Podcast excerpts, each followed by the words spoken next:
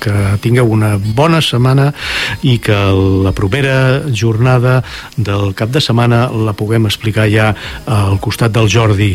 Gràcies, Pep, per estar a les vies de so i ajudar-me en aquest solitari despatx o locutori. Bona nit!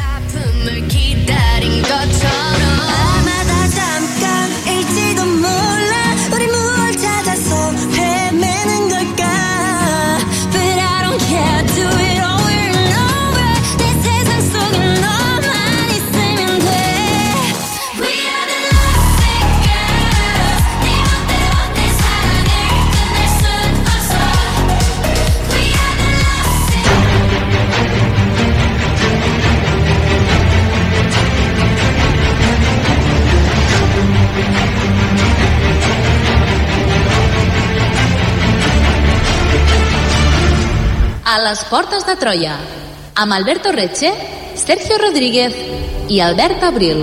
El rol de la dona a les guerres ha estat invisibilitzat constantment i eclipsat per la batalla i l'èpica que envolten el fet bèl·lic. Tanmateix, sabem que a la Segona Guerra Mundial la implicació femenina a la rereguarda va ser clau pel desenvolupament del conflicte. Serveis sanitaris, indústria de guerra, propaganda... Concretament, però, avui ens centrarem en una imatge que ens és bastant familiar, les dones espia.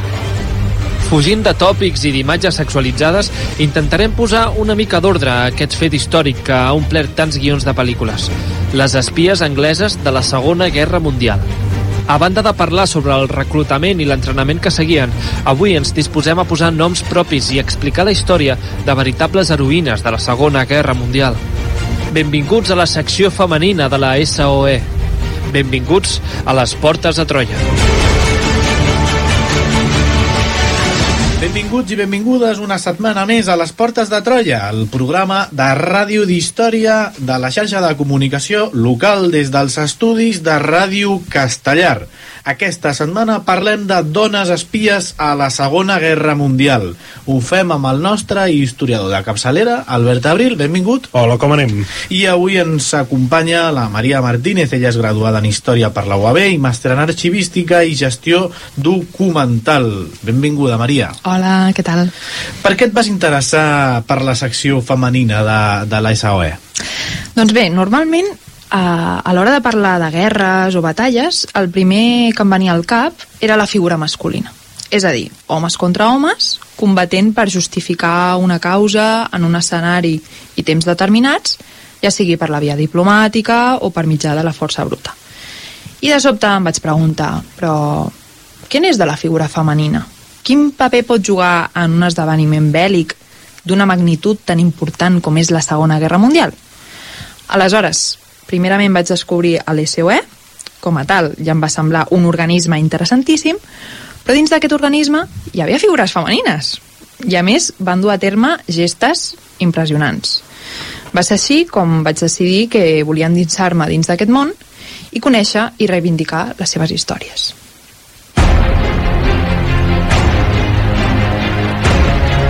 Segueix-nos a facebook.com barra Portes de Troia o a Twitter arroba Portes de Troia. Descarrega't el podcast des d'iBooks o iTunes.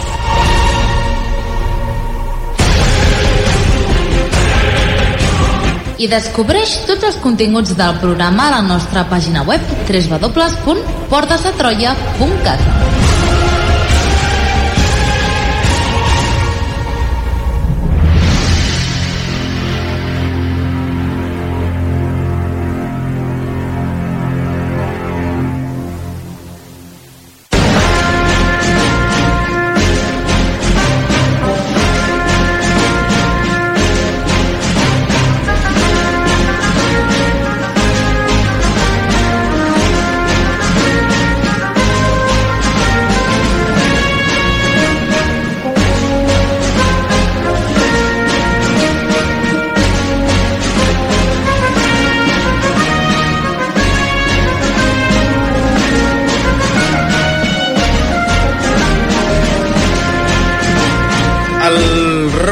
dona a les guerres ha quedat molt invisi invisibilitzat. Què feien les dones durant la Segona Guerra Mundial, mentre els homes eren al front, Maria? Bàsicament, el que van fer va ser agafar-los el relleu als homes en les tasques que ells acostumaven a fer. Perquè malgrat ells estiguessin al front, s'havia de seguir endavant amb les tasques tan bàsiques com cultivar els camps per no morir de gana. I no ens hem d'oblidar que els homes que estaven lluitant rere les línies enemigues també necessitaven subministrament. Aleshores, un factor molt interessant a tenir en compte va ser la publicitat en aquest aspecte, perquè la publicitat a inicis de la dècada de 1940 encoratjava les dones a treballar en favor dels seus països enfront l'absència de, dels homes, perquè estaven a, al conflicte bèl·lic. De fet, el cartell publicitari més conegut de l'època, no sé si el, el, el visualitzareu, és el de la Rossi, la rebladora estadounidenca, i la seva famosa frase We can do it. La propaganda buscava que les dones entressin a les fàbriques, però això sí, sense abandonar les seves tasques domèstiques i, per tant, la seva, el, el cuidado de les seves famílies. El lema de la campanya precisament va ser no hi ha res que les dones no puguin fer. Mo molt bé. Avui perquè ens estem centrant en el front occidental, però si parlem del front oriental, el paper de les dones va agafar bueno, bastanta més... un paper més rellevant el que seria la primera línia. Hi ha franc, tiradores soviètiques famoses. Yevmina Pavlyuchenko. Sí senyor. I altres personatges que, que bueno, per les característiques d'uns règims o d'altres pues, bueno, el paper de la dona era un o l'altre. Que aquest també és un tema interessant per veure després de la Segona Guerra Mundial a les societats occidentals quin va ser el paper que es van quedar les dones i quin va ser a, a banda i banda. És un tema que també donaria per un programa. No em puc creure el que està passant ara mateix he dit aquesta frase però no implica res que més que, que el que he dit tu. exacte Bueno, eh, ens has avançat ja de quin serà una miqueta el rol de la dona durant la Segona Guerra Mundial, aquesta substitució de moltíssimes de les feines que feien els homes, però alhora amb les, fe les seves feines domèstiques. Ens podríem centrar una mica breument en, algun, en el cas d'algun país concret? Jo personalment eh, vaig centrar el meu focus d'estudi en, en el cas britànic eh, el Regne Unit necessitava moltes mans per ajudar en el gran conflicte bèl·lic i amb els discursos radiofònics i la seva actitud ferma, Churchill estimulava el patriotisme amb els britànics. Eh, com ja vam comentar al programa de l'SOE, era un firme banderat de la resistència britànica. Aleshores, molts d'ells, incloses també les dones, es van allistar voluntàriament a les forces armades. De fet, el 1941, Gran Bretanya va requerir de totes les dones entre 18 i 60 anys perquè es registressin per formar part de, del reclutament. Per vols de l'any 1943 hem de tenir en compte que gairebé el 90% de totes les dones solteres i el 80% de les casades estaven exercint algun tipus de tasca relacionada amb el conflicte bèl·lic. Molt bé, i sobre la implicació femenina a la guerra, doncs segurament hi ha algunes sigles que ens poden sonar. Quines serien les més importants? Doncs bé, per començar tenim la Women's Land Army, que quan ho llegeixes per primer cop, hòstia, l'exèrcit de, de, de dones de terra, de, de, terra. l'exèrcit de la terra de la dona. Doncs, eh, bàsicament, està format per joves que generalment arribaven a ciutats britàniques per treballar en granges per tal que els grangers poguessin unir-se a les forces armades i elles doncs, quedar-se fent aquestes tasques rurals. La tasca de les dones del WLD, que, que són les sigles d'aquest Women's Land Army, va evitar que es produís una fam o hambruna nacional durant la guerra. Després tenim les mal anomenades Idle Woman, dones ocioses, que van treballar de manera extenuant durant llargues hores per transportar càrregues al llarg de les rutes fluvials interiors de Gran Bretanya. Les guàrdies aèries femenines també oferien primers auxilis i organitzaven mesures d'emergència durant els atacs aeris. I després tenim, per exemple, també eh, les dones del Women's Voluntary Service, servei voluntari femení, o WV, perdó, S, segons les seves sigles en anglès, que tenien més d'un milió de membres. Donaven suport al treball de les guàrdies aèries i organitzaven les evacuacions, duien cantines mòbils que proporcionaven menjar, beguda i diversió pels soldats, que això també era important, no? aixecar-los una miqueta l'ànim. I totes aquestes dones, sovint, es trobaven en greu perill. No, no ho hem d'oblidar. O sigui que, malgrat es considerin unes tasques més baladí, per dir-ho d'alguna manera, també estaven en perill estaven al front, no? Estan al front amb, amb les tropes. Uh, a més a més, uh, sabem que cada branca de l'exèrcit britànic tenia la seva pròpia secció femenina, no? La seva secció de dones. Correcte. Cada branca de l'exèrcit britànic tenia una secció per dones i en aquest cas, mm, en aquestes branques, hi havia involucrades prop de 500.000 dones britàniques. L'Auxiliary Territorial, Territorial Service, perdó, Servei Territorial Auxiliar, o ATS, segons les seves sigles en anglès, estava lligat a, a l'exèrcit i les dones també podien unir-se al Women's Royal Naval, Naval Service, Servei Nacional Naval de Dones, o al Women's Auxiliary Air Force, la, la Força Aèria Auxiliar de Dones. Alguns d'aquests treballs eren de caire administratiu i estaven allunyats del combat, però d'altres sí que, que eren perillosos. Per exemple, algunes dones del ADS manipulaven reflectors i equips de radar, ajudant així els homes que operaven en els canons antiaeris a encertar els seus objectius. Les dones que ocupaven aquestes posicions doncs, estaven exposades als mateixos perills que, que els homes. Uh -huh. I potser ens queda per mencionar la, la seva implicació en els serveis sanitaris, oi? Correcte. Tenim, en aquest cas, el First Aid Nursing Yeomanry, cos d'infermeria de primers auxilis, o FANI. Perfecte. Noms fàcils. Noms Fanny. totalment fàcils i res enrebaçats. I aquest, en aquest cas va ser el primer cos voluntari de dones a Gran Bretanya. Es va crear el 1907, és a dir, abans de la Segona Guerra Mundial i abans de la Primera, i es va emprar a, a la Primera Guerra Mundial per primer cop. I va continuar durant la Segona Guerra Mundial, lligat en aquest cas amb el ATS, l'Auxiliar Territorial Service. Les dones del FANI conduïen ambulàncies i jeeps i treballaven en cantines, hospitals i casernes militars. No obstant, moltes d'aquestes dones que es van allistar al FANI ho van fer per tenir una coartada, perquè en realitat havien estat reclutades pel SOE. A les portes de Troia, la història a la ràdio. Descobreix tots els continguts del programa a www.portesdetroia.cat.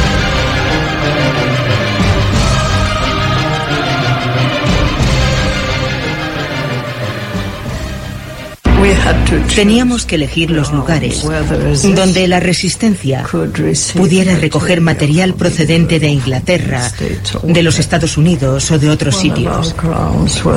Una de nuestras zonas de lanzamiento fue elegida por los americanos para enviar en una operación a plena luz del día materiales y armas a los miembros de la resistencia. Molt bé, d'on sortien les dones, Maria, d'on sortien les dones que, que captaven a l'SAUE? De quins col·lectius les, les agafaven? Doncs es posaven en contacte amb les futures agents mitjançant els comandants d'aquestes seccions auxiliars femenines. És a dir, mitjançant tots els grups de voluntaris que hem, hem mencionat amb, amb, amb anterioritat. Normalment buscaven a dones bilingües que sabessin parlar francès i com en el cas del reclutament dels homes, si tenien la doble nacionalitat, doncs aleshores allà filon de oro. Era molt preuat. També, com en el cas dels homes, eren convocades a entrevistes personals, ignorant que qui les entrevistava era realment aquest executiu d'operacions especials. Uh, molt bé, això de fet em recorda una miqueta el programa que vas venir a fer sobre la, sobre la SOE T'agradaria mm, remarcar algun petit aspecte sobre això? Perquè això de la doble nacionalitat, el fet de controlar diversos idiomes, ens pot sonar una mica.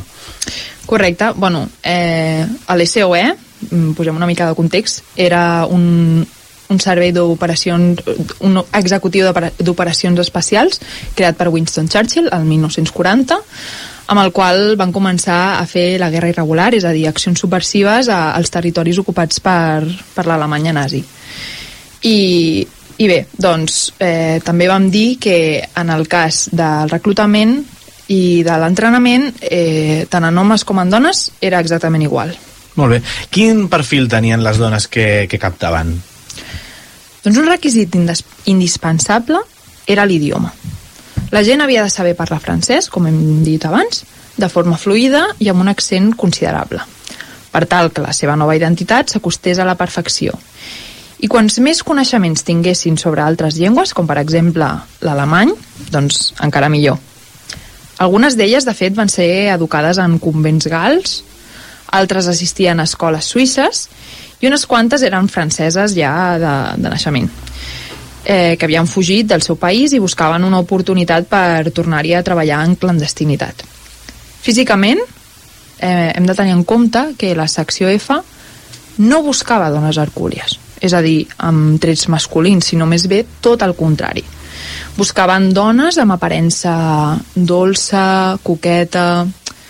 Mm, això, no buscaven un perfil fort, sinó un perfil més aviat que passés més desapercebut. Molt bé, i a part dels atributs físics i de les llengües amb les que estiguessin familiaritzades, es tenia en compte algun aspecte més a l'hora de captar-les? Sobretot, fredor, valentia, intel·ligència i versatilitat eren algunes d'aquestes actituds o atributs més destacats. I elles van demostrar ser capaces de fer-se passar per noies de poble o per elegants parisenques, segons convingués. Perdó. Els aspectes sobre la identitat francesa de la nova gent també eh, eren molt importants. Perquè bé, bé eh, no ho hem dit, però en aquest cas ens centrarem a la secció F, és a dir, a la secció França ocupada. D'acord? O sigui, per això ens centrem tant en, en França i remarquem tant això, la identitat francesa. Eh, seguien, com hem dit, el mateix procés que, que els homes, de formació, i finalment Vera Atkins, que era eh, una dona de la qual després coneixerem molts més detalls, s'assegurava de que cada petit detall, així com les etiquetes de vestuari, sabates o fins i tot les cigarretes, tinguessin segell francès. Molt bé, doncs per fer una miqueta d'antecedents, potser el nom propi que ens sona mm, més vinculat a la Gran Guerra és, és Matahari. Qui va ser? Doncs Matahari, que era el seu nom artístic, perquè ella realment es deia Margareta Gertrude Zell, fou una ballarina holandesa coneguda per les seves tasques d'espionatge durant la Primera Guerra Mundial. Diguem que va ser la inventora de l'estriptis com, a, com a forma de dansa va ser una legendària fem fatal i se la va acusar de ser una agent pagada per Alemanya per tal de recopilar els secrets dels oficials aliats amb els quals se n'anava al llit. Però les evidències presentades al seu judici, junt amb altres documents, van mostrar que ella era realment una agent doble i se la va utilitzar una mica de boca expiatori.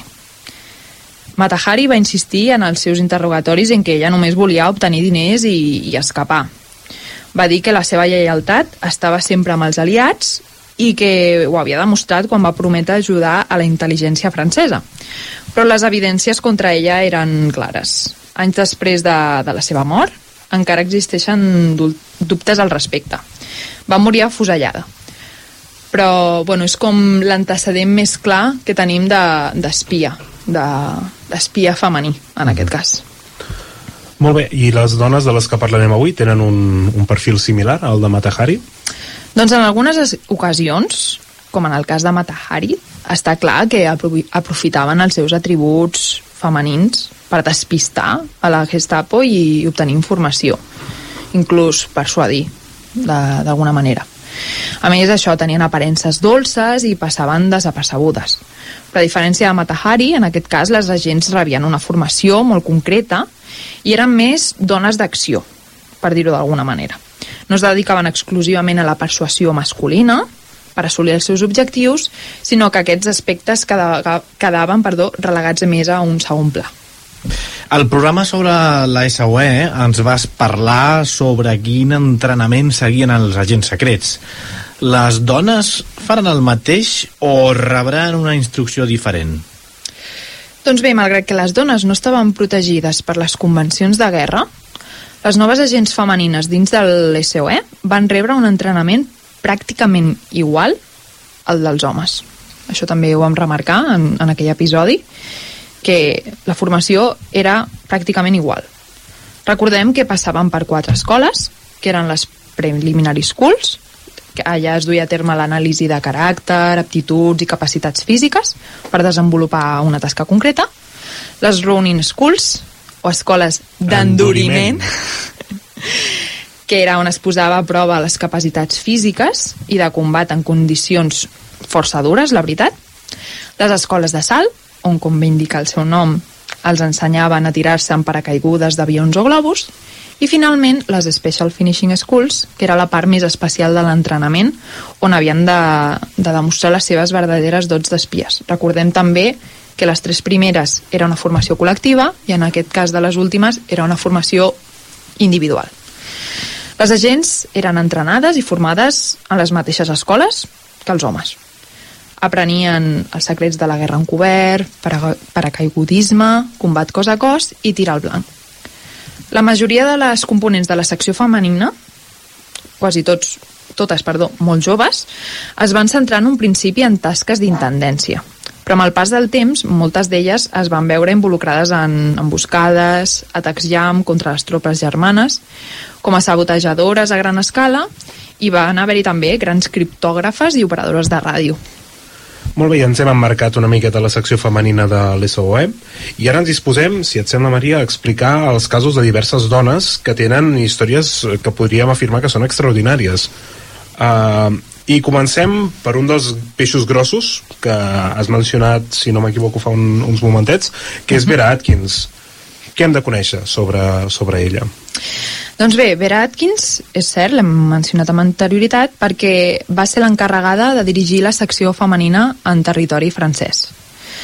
Treballava com a secretària de l'SOE i va ser la mà dreta del coronel Maurice Bockmaster, que és un personatge que, si no m'equivoco, també el vam mencionar al programa de l'SOE, que malgrat ser... era un personatge molt carismàtic i de bona família, però no tenia molt més recorregut. De fet, es deia que Vera Atkins estava darrere de, de tots els seus moviments, realment.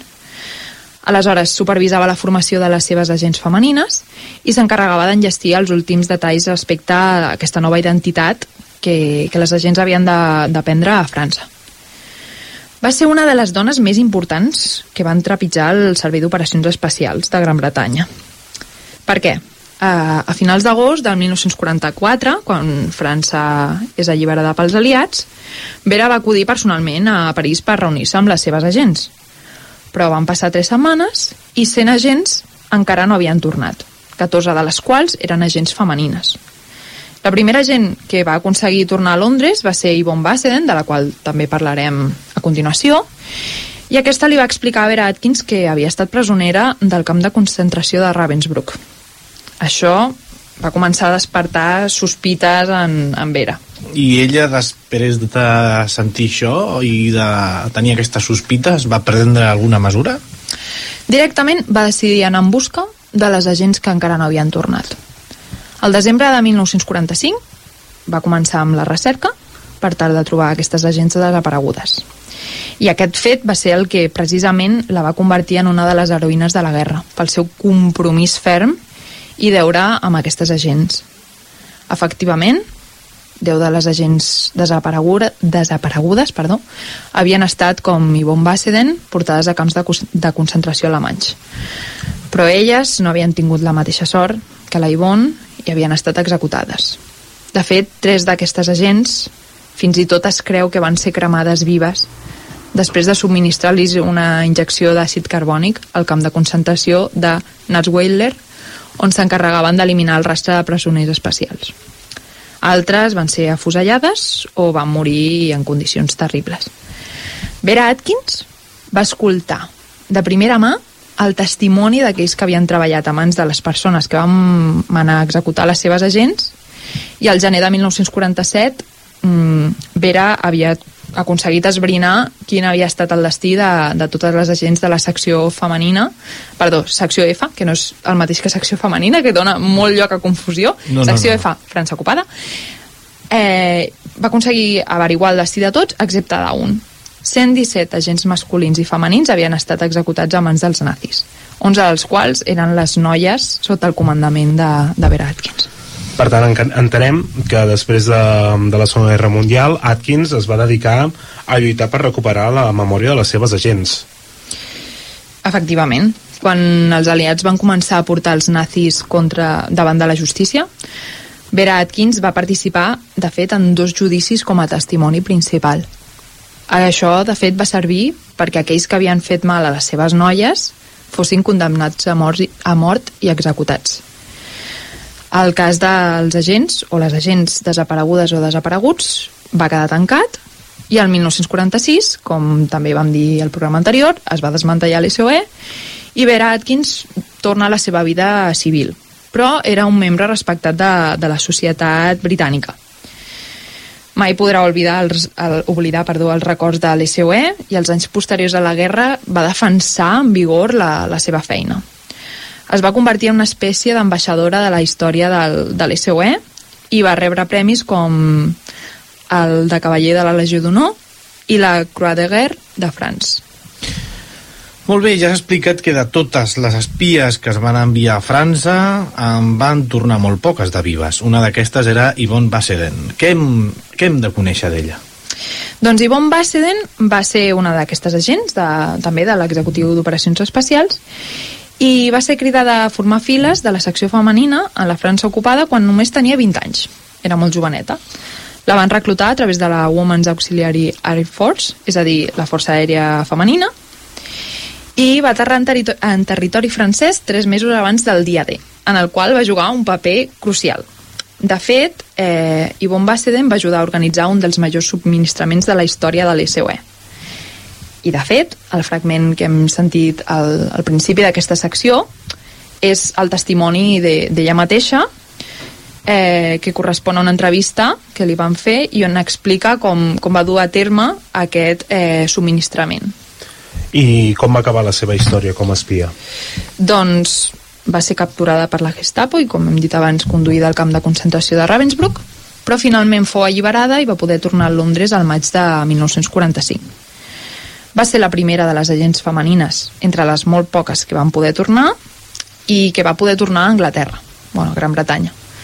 També fou una peça clau perquè, rere les sospites que va despertar en, en Vera, aquesta doncs, va poder dur a terme aquesta cerca i, i saber què va ser de les agents que no, que no van tornar. Va rebre la Legion d'Honor, la Croix de Guerre, Avec Palm, la MB, E, perdó, MBE, i la Croix de, combat de Combatant Volontaire de la Resistance. Perdoneu el meu francès. Aquí parlem tots els idiomes. Quan ve l'Antonio parla serbi. Sí, sí, sí, exacte. I ningú li diu res. Molt bé, Maria, de quina dona més t'agradaria parlar-nos avui? Doncs la següent dona de la que us parlaré és la Nur Inayat Khan. Va créixer a França, on després de llicenciar-se a la Universitat de la Sorbona es va dedicar a escriure i a il·lustrar històries per a nens. Avorria les, ide les idees antisemites de, de Hitler i estava decidida a posar-li fi d'alguna manera. Es va unir a la UAF, on la van entrenar per ser operadora de ràdio i a comunicar-se amb un tipus especial de ràdio mitjançant codi Morse. La NUR volia tenir una col·laboració més directa en la lluita contra Hitler i el SOE es va fixar irremediablement en ella i va ser així com va passar a formar part de les seves files. Era ideal perquè aquell tipus de treball, ja que parlava, perdó, era ideal per a aquell tipus de treball ja que parlava francès, perfecte, i havia estat entrenada per ser operadora de ràdio. És a dir, era una excel·lent candidata per la secció F. Tot i així, tenien dubtes amb el seu caràcter, perquè la veien massa fràgil. Potser no suportaria les tortures de la Gestapo. Jo penso que és la, és la Pilarín Vallès de, de la Segona Guerra Mundial. Això que es dedicava a escriure i il·lustrar històries per nens podria ser el perfil ideal. Uh, però bé, quina va ser la, la seva història com a, bueno, com a espia o com a, com a agent secreta? Doncs va ser enviada a París i deu dies després de la seva arribada, tot el seu grup de la resistència es va ensorrar. La Gestapo va tenir a varis agents i va detenir, perdó, a varis agents i van aconseguir informació que comprometia noms, direccions, etc dels, dels actuals membres de la resistència francesa. A l'SOE, des de Londres, quan va rebre aquesta informació per les transmissions de, de la NUR, va demanar als agents que quedaven retornar a Londres amb, amb urgència. Però la Nur s'hi nega, ja que per ella això suposava perdre i a més no quedaria cap operadora de ràdio en tot el país, a París. Eh, això també pot ser un dels exemples d'aquesta resistència britànica que, que tant encoratjava doncs, Winston Churchill. Des de Londres van acceptar la posició de la NUR, li van dir, bueno, doncs et quedes sota la teva responsabilitat i aquesta va reprendre les operacions. Mm, va ajudar a escapar a 30 aviadors, va aconseguir que quatre agents obtinguessin documentació falsa i va assenyalar les posicions exactes pels llançaments d'avions i ajudar també a aconseguir armes i diners pels membres de la resistència francesa. I un, un altre tret també va ser que va comunicar el punt exacte en el que els nazis amagaven el seu subministrament de torpedes. I aquestes tasques imprescindibles de la NUR va poder-les fer durant molt de temps? Doncs impressionantment, durant mesos va eludir la Gestapo amb èxit fins que finalment doncs, va ser detinguda a causa de que una dona anomenada René la va entregar a canvi de 100.000 francs. Va posar moltíssima resistència. És a dir, la consideraven fràgil, però va demostrar que fragilitat, poqueta. Penseu que va arribar al punt que van haver de demanar reforços. És a dir, quan la van anar a, a detenir, expliquen que va començar a mossegar i a esgarrapar a, al, al comandant de la Gestapo que l'havia anat a buscar i va, això va haver de demanar reforços. Finalment la van traslladar a la caserna general de la Gestapo on mitjançant codi Morse i a través de les parets es va comunicar amb altres agents també detinguts per planejar una fugida. Es van passar un tornavís de forma discreta i van aconseguir arribar al sostre, bueno, van afluixar els, els, mm, els tornillos de, de la seva porta i van accedir al sostre i van, es van despenjar fins a arribar a una casa propera però van ser traïts altre cop i portats de nou a la caserna. De fet, li van fer firmar a Nor un document on, on afirmava que no es tornaria a escapar. Però ella s'hi nega. Diu que, que no, no ho pot prometre això. Finalment, la Nur, després d'estar presonera durant 10 mesos, va ser traslladada a Chau, on, junt amb altres tres agents britàniques, va ser afusellada. Però França no l'ha oblidat i a part de varis monuments la van guardonar amb la Croix de Guerra. Um, és curiós, no? després de passar-se un tornavís, comunicar-se amb el morse a través de les parets, que et facin firmar un document. No, no, firma aquí i garanteix-nos de que no t'escaparàs més. Curiosa l'estratègia també dels, dels nazis, no?, aquest sentit. Um, Dirigim-nos, si et sembla, a parlar d'una altra espia, que és la Nancy Wake. Què hem de conèixer sobre la seva vida? Doncs la Nancy Wake, perdó, mm, era provinent d'Austràlia, i es va formar com a periodista a París quan encara era joveneta. Quan va veure, de primera mà, després d'escoltar les terribles històries sobre el fenomen, la manera tan cruel i macabra com els alemanys i austríacs tractaven els jueus, es va quedar repugnada i alhora s'irrita molt. I, en aquell, I diu, en aquell moment vaig decidir que si alguna vegada tenia l'oportunitat faria qualsevol cosa per petita o gran que fos, estúpida o perillosa, per tractar de posar-los les coses més difícils als nazis. I doncs va complir la seva promesa, la Nancy? Correcte. Es casa amb un milionari francès anomenat Henry Fioca i, i aquí eh, Nancy va tenir l'oportunitat que esperava. Mitjançant el contacte de dos oficials aliats, presoners, que podien passejar lliurement durant el dia, es va convertir en, en correu. També sabia les rutes d'escapada Garrow i Ole, o, Oleri, que a través dels Pirineus portaven des de França fins a Espanya, que era territori neutral, i des d'allà fins a, a Gran Bretanya. Nancy es va convertir en una peça clau per ajudar els soldats aliats i els refugiats jueus al llarg d'aquestes rutes. El que feia era recollir els refugiats dissimuladament a l'estació de tren, els trobava un lloc per poder ocultar-se i finalment els acompanyava en tren fins al seu pròxim destí. Entre els oficials de la Gestapo circulava la descripció de la Nancy i van, li van donar el nom en clau del ratolí blanc, perquè sempre aconseguia eludir-los i fins i tot quan semblava rodejada els despistava i podia escapar. Finalment van aconseguir informació sobre ella i la van inspeccionar. I no sabem què passarà aconsegueix evitar que l'enxampin o l'atrapen finalment Doncs va abandonar Marsella i es va dirigir a Espanya amb l'esperança d'arribar finalment a, a Gran Bretanya. En el seu sèptim intent, per fi aconsegueix arribar a Espanya, malgrat fou empresonada dues vegades, una a França i l'altra a Espanya. Sota la tapadora del FANI, d'aquest servei d'infermeria que hem dit abans, la van reclutar a l'SOE i després d'acabar el seu entrenament va aterrar amb paracaigudes a França, on, on va establir el contacte amb ràdio perquè Gran Bretanya pogués enviar el material necessari per ajudar als maquis. O sigui, tot això ho ha fet sense formar part encara de l'SOE. Correcte. Fascinant. Molt bé, tornem a tenir a la Nancy en plena acció. Quina serà la seva feina a França? Doncs la Nancy va vestir a 17 grups de diferents maquis. És a dir, un total de 7.000 hom 7 homes. Perdó. Malgrat en un principi no es fiaven gaire d'ella i les seves decisions, perquè era una dona molt impulsiva, eh, finalment li van adquirir molt de respecte.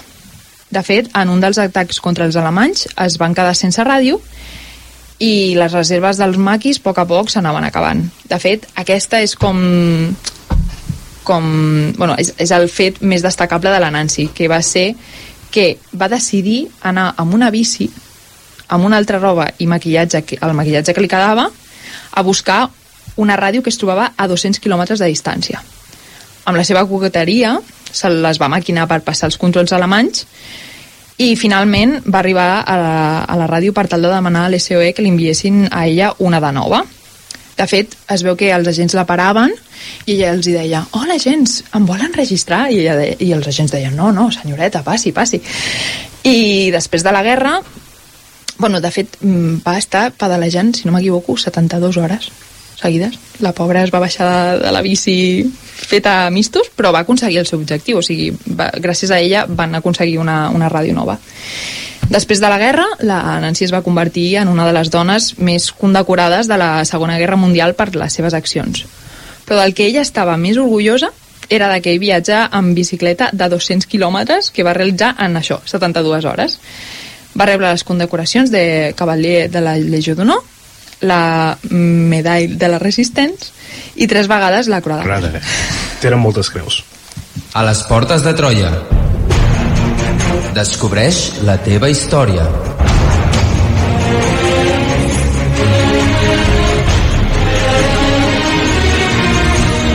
Troba'ns a facebook.com barra Portes de Troia i a Twitter arroba Portes de Troia.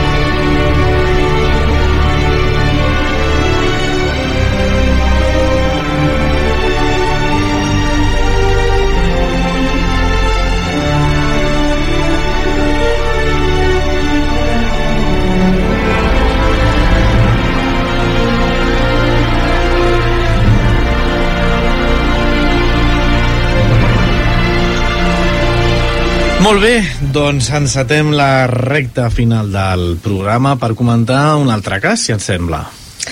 Doncs bé, sí, en, en aquest cas us vull parlar de la Pearl Witherington. eh, va ser una de les dones que també va intervenir a l'SOE. De fet, amb 17 anys es va veure obligada a treballar per poder ajudar a les seves tres germanes i a la seva mare perquè estava delicada de salut i Pearl tenia varis treballs com a secretària i per la tarda es dedicava a ensenyar anglès. Al desembre de 1940, pocs mesos després de que els alemanys envaïssin la uh, França, Pearl es va escapolir amb la seva mare i les seves tres germanes i van anar a Londres, on va trobar treball al Ministeri de l'Aire. I ja sabeu que era qüestió d'allistar-se a, a una d'aquestes seccions voluntàries femenines de, relacionades amb, amb l'exèrcit eh, anglès que automàticament estava seleccionada per la SOE. Aleshores, eh, es va llistar al UAF junt amb les seves germanes i van treballar les tres d'oficinistes i secretàries. Fins, finalment, cansada de realitzar tasques administratives i decidida de lluitar contra l'ocupació alemanya, va decidir presentar una sol·licitud al SOE, malgrat el seu propi superior li prohibís. I va aconseguir, entenem, si l'estem dedicant un petit espai en aquest programa és perquè va aconseguir el seu objectiu. Efectivament, finalment, eh, un contacte la va fer entrar a l'organització. Què passa? Que tenia una fluidesa um, impressionant amb el francès i per aquest motiu va ser assignada a, a la secció F. Tenia el nom clau de Mary Witherington i va arribar amb paracaigudes a la França ocupada el 22 de setembre de 1943 per recolzar i organitzar els grups de, de resistència. Durant els vuit mesos següents va treballar com a missatgera de Maurice Southgate, cap, a, cap de la resistència en el centre de França, i en una xarxa de ràdios anomenada Stationer. Després de la captura de, de Southgate, és a dir, del, del, del, del que portava el mando de, de la resistència en el centre de França, el van capturar la Gestapo al maig de 1944 i ella va passar a prendre el comandament de, de la guerrilla en, en el departament d'Indra, canviant el seu nom clau de Marí a Pauline. I quina passaria a ser la seva missió un cop ella esdevé comandant de la guerrilla? Doncs va consistir, bàsicament, la seva missió a sabotejar les comunicacions a alemanyes. Entre els innumerables sabotatges cal destacar el tall de la línia de ferrocarrils entre París i, i Bordeus. Va ser com el fet més, més significatiu. Va aconseguir matar a prop d'un miler de soldats alemanys i va deixar molts més ferits mentre que les forces que comandava van sofrir només una petita quantitat de baixes. La seva eficàcia va portar els nazis a oferir fins a un milió de francs per la seva captura, però mai van aconseguir detenir-la.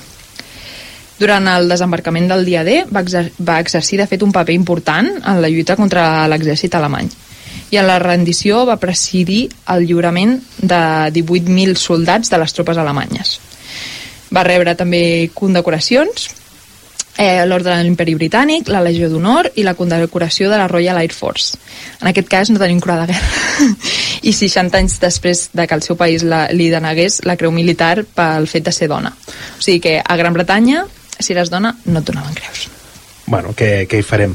Ah, Anem-nos a centrar, si et sembla, en un personatge que no sé si va estar més anys ella a la SOE o més anys estarà Joe Biden a la presidència dels Estats Units, que en aquest cas és uh, Christine Granville. Christine Granville, que de fet va ser la dona que més temps va servir a l'SOE. Aquí, la, aquí està l'aposta. Correcte. Aquí està l'aposta. Es va convertir en agent secret mesos abans inclús de que l'organisme es creés, així que imagineu-vos. Va ser per molts la millor representant dels serveis secrets britànics durant la Segona Guerra Mundial. Entre les seves gestes podem destacar-ne moltes, però va, va ser saltant paracaigudes en nombroses ocasions, travessar les muntanyes Tatra, esquiant per infiltrar-se a Polònia, ella era de fet polonesa, va organitzar grups de resistència per tota França, bueno, va fer un munt de coses. Una de les seves majors proeses, de fet, va tenir lloc a l'agost de 1944. Eh, un dia d'aquest mes, el comandant alemany Fritz Harlan, cap de presons, es sentia satisfet perquè havia donat caça a tres destacats espies. El coronel Kam Kamaerts, de Scotland Yard, el capità Sorensen, del Servei Secret Nord-Americà, i el comandant Sen Fielding, detinguts en un control quan viatjaven camuflats en, en un vehicle de la, de la Creu Vermella. Anaven a ser fusellats a les 6 i mitja de l'endemà i la resistència no tenia temps de muntar un operatiu de rescat. Harlan estava assumit en els seus pensaments quan va sonar el telèfon i li van comunicar que una estrangera insistia en veure'l.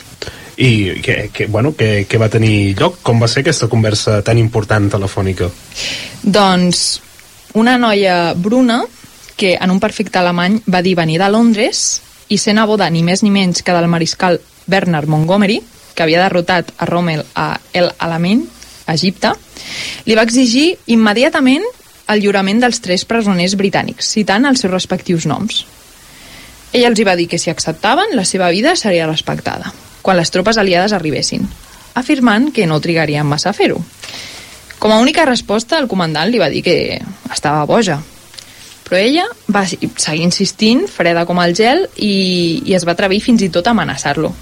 Li va dir, si els tres esmentats presoners o jo sofrim cap dany, tots els alemanys d'aquesta presó, amb vostè al capdavant, seran irremissiblement penjats tan aviat com sigui ocupada aquest país. El, el senyor, l'interlocutor, es va quedar mm, molt sorprès i li va preguntar que qui era.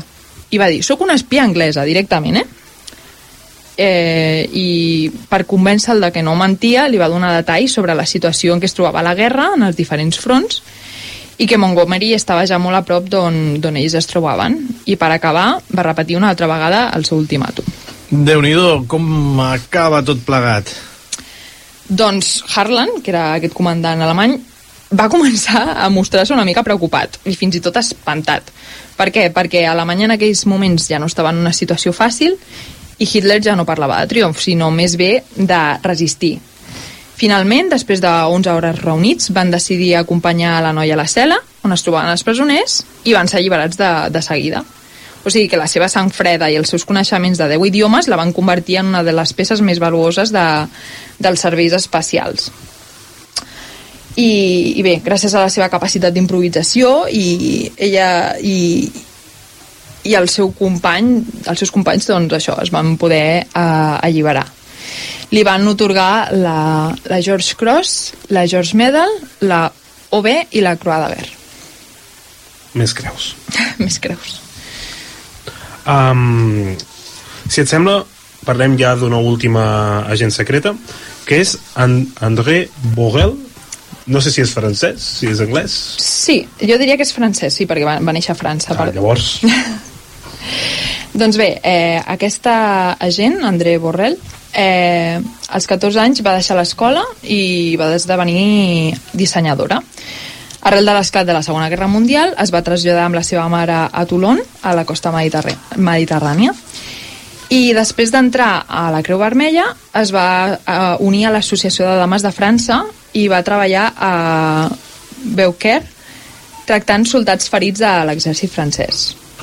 Després de que França es rendís, Borrell i el seu amic, Maurice Dufour, van, van unir-se a la resistència francesa i es van establir a una, a una vila a les afores de, de Perpinyà.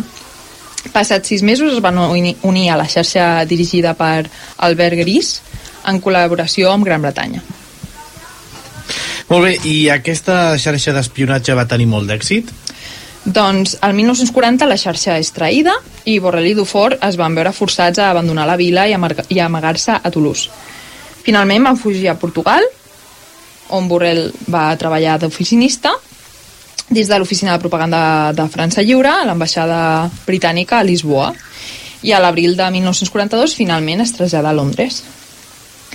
Eh, a la seva arribada va ser interrogada a l'Escola Patriòtica Reial i per averiguar d'aquesta manera si era realment un agent doble, perquè clar, com, com havia estat a França, doncs podia, podia ser un agent infiltrada a Alemanya.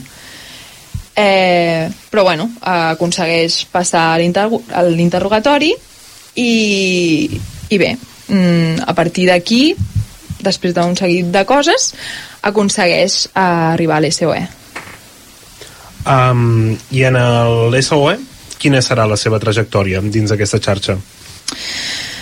Doncs bé, mm, va tenir mm, gran repercussió malgrat la seva joventut i, i bé, el que deien era que tenia una compressió perfecta, seguretat, calma imperturbable i les seves gestes van ser impressionants però eh, va ser hem de lamentar que va ser una d'aquestes tres agents que es considera que, que van ser cremades vives uh, bueno, va acabar a un camp de concentració li van administrar una injecció que no va funcionar i va ser una de les que va tenir un final més, més tràgic molt bé, doncs per anar tancant fem una petita valoració. De quina manera va repercutir la introducció de les dones al servei secret anglès?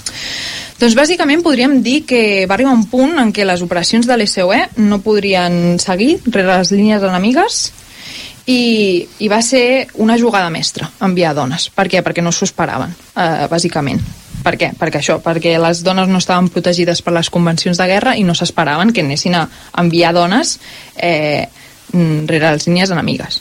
En aquest punt, eh, molt bé, mm, Gran Bretanya, però hem de tenir en compte que per això, per no, ser, no estar protegides per les convencions de guerra, eh, Gran Bretanya, un cop tenen èxit i acaba la guerra, neguen haver enviat dones rere les línies enemigues en un primer moment uh -huh. i això va provocar que no apareguessin ni a les llistes de desapareguts. O sigui, per això Vera Atkins també va, va, li va costar tant saber què havia passat amb les seves agents. Uh -huh. Perquè, mm, bueno, aquí... Mm, aquí nadie ha enviado a ninguna mujer mm, detrás de les línies enemigas. Després se li van fer totes les condecoracions i, i se les va valorar en el seu context, però en un primer moment se les va amagar sota la catifa, directament. Molt bé, i, i és cert que en, ens hem centrat molt en el, en el cas britànic, no? Però la pregunta és obligada. Hi va haver altres serveis secrets amb seccions femenines durant la Segona Guerra Mundial? Oh, i tant. La cosa no s'acaba amb les agents britàniques. Trobem espies a Alemanya, que estaven a favor de, de, dels aliats, a Polònia, a França, als Països Baixos, a Bèlgica, a Dinamarca o a Estats Units. Molt bé, podríem dir que són heroïnes de la Segona Guerra Mundial, oi? Ho podríem dir i amb lletres mayúscules.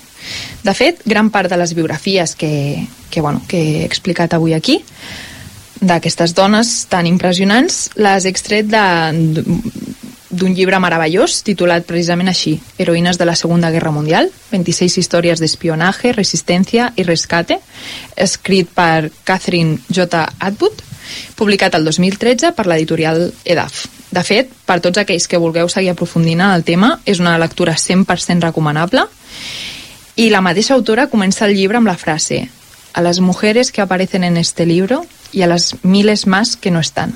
Que, vuestro valeroso, que vuestros valerosos actos nunca sean olvidados. I és que és molt necessari que reivindiquem els seus noms i que aquests no s'esborrin de la història i reivindicar les seves gestes perquè és això. Hem començat dient que les dones van ser invisibilitzades, o sigui, on estaven les dones? Per una part, doncs això, mm, fent tasques més mundanes, però també van estar partint-se la cara rere les línies enemigues. I també per acabar us recomano un documental que podreu trobar al YouTube titulat La guerra secreta número 6 eh, bueno, perquè és el capítol número 6 La gente secreto i el fiasco francès que és el documental pel... Té nom de documental del canal d'història, eh? De fet, el vaig trobar a, a la 2 el vaig veure en ah, directe. a la 2 bé, respecte. A la 2 i de fet eh, va ser aquí on vaig descobrir l'SOE i vaig decidir eh, fer el meu treball de recerca en, en l'institut sobre, sobre aquesta temàtica i és això, també és d'on extret aquest fragment d'entrevista que que hem escoltat de la Yvonne Basseden. I està molt i molt bé posant especial èmfasi en la figura de Vera Atkins. Molt bé, doncs em sembla que no ens queda temps per més, així que moltíssimes gràcies Maria per portar-nos aquest interessantíssim programa avui, també per donar aquest espai que, que, que s'ha de fer, perquè si no hi ha molts, molts personatges de la història que queden invisibilitzadíssims i en el cas de les dones encara més, així que moltíssimes gràcies Maria Martínez, estàs convidada a venir a les portes de Troia sempre que tu vulguis i d'això, doncs repetir-ho que moltes gràcies. Moltes gràcies a vosaltres per, per això, per deixar-me aquest espai per reivindicar una mica noms propis i reivindicar els actes d'aquestes dones tan, tan meravelloses. Molt bé, moltes gràcies Albert Abril, fins la setmana vinent. A vosaltres, moltes gràcies. L'Adrià Tirado, un cop més al control tècnic, moltes gràcies, i qui us parla, Sergio Rodríguez. Us esperem la setmana vinent amb un nou programa de les Portes de Troia.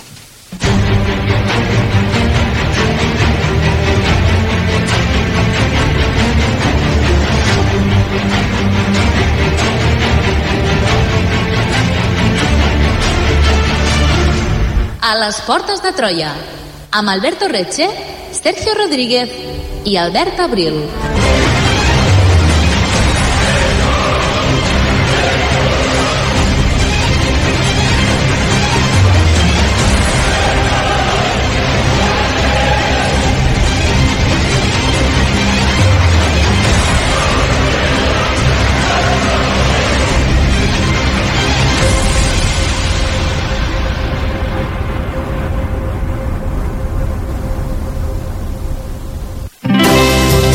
Escolta Ràdio Seu on i quan vulguis.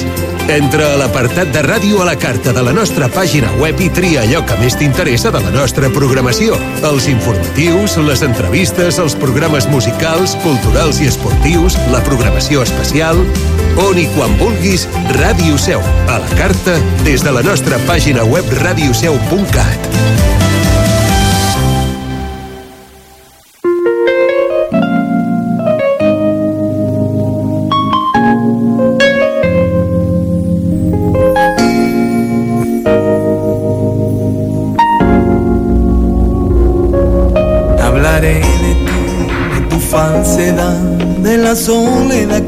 te.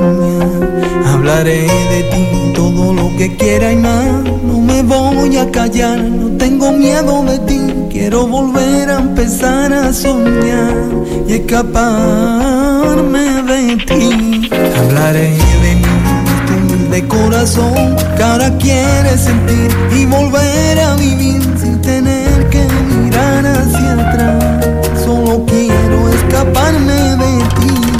esa luz que alumbra mi alma donde quiera que vaya. No quiero que se apague. Y esa luz que me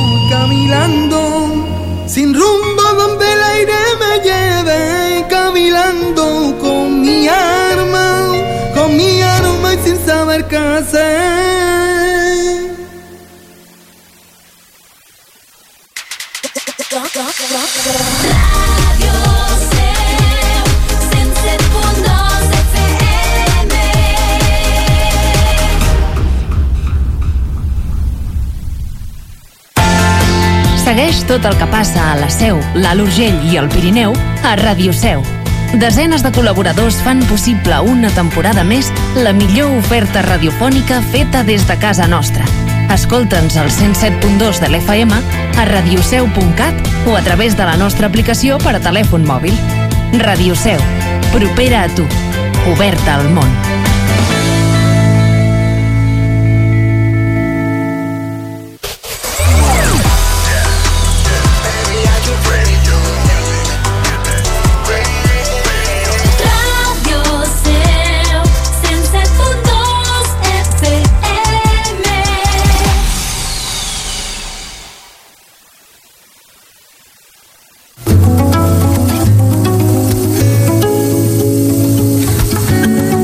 Fins aquí la programació pròpia de Ràdio Seu.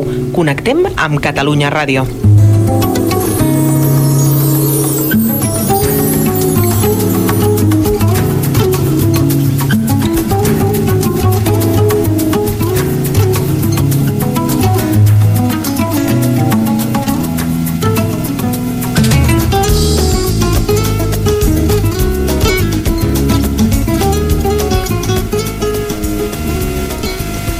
Pamplona? Puede ser que sí y Puede ser que no. bravo.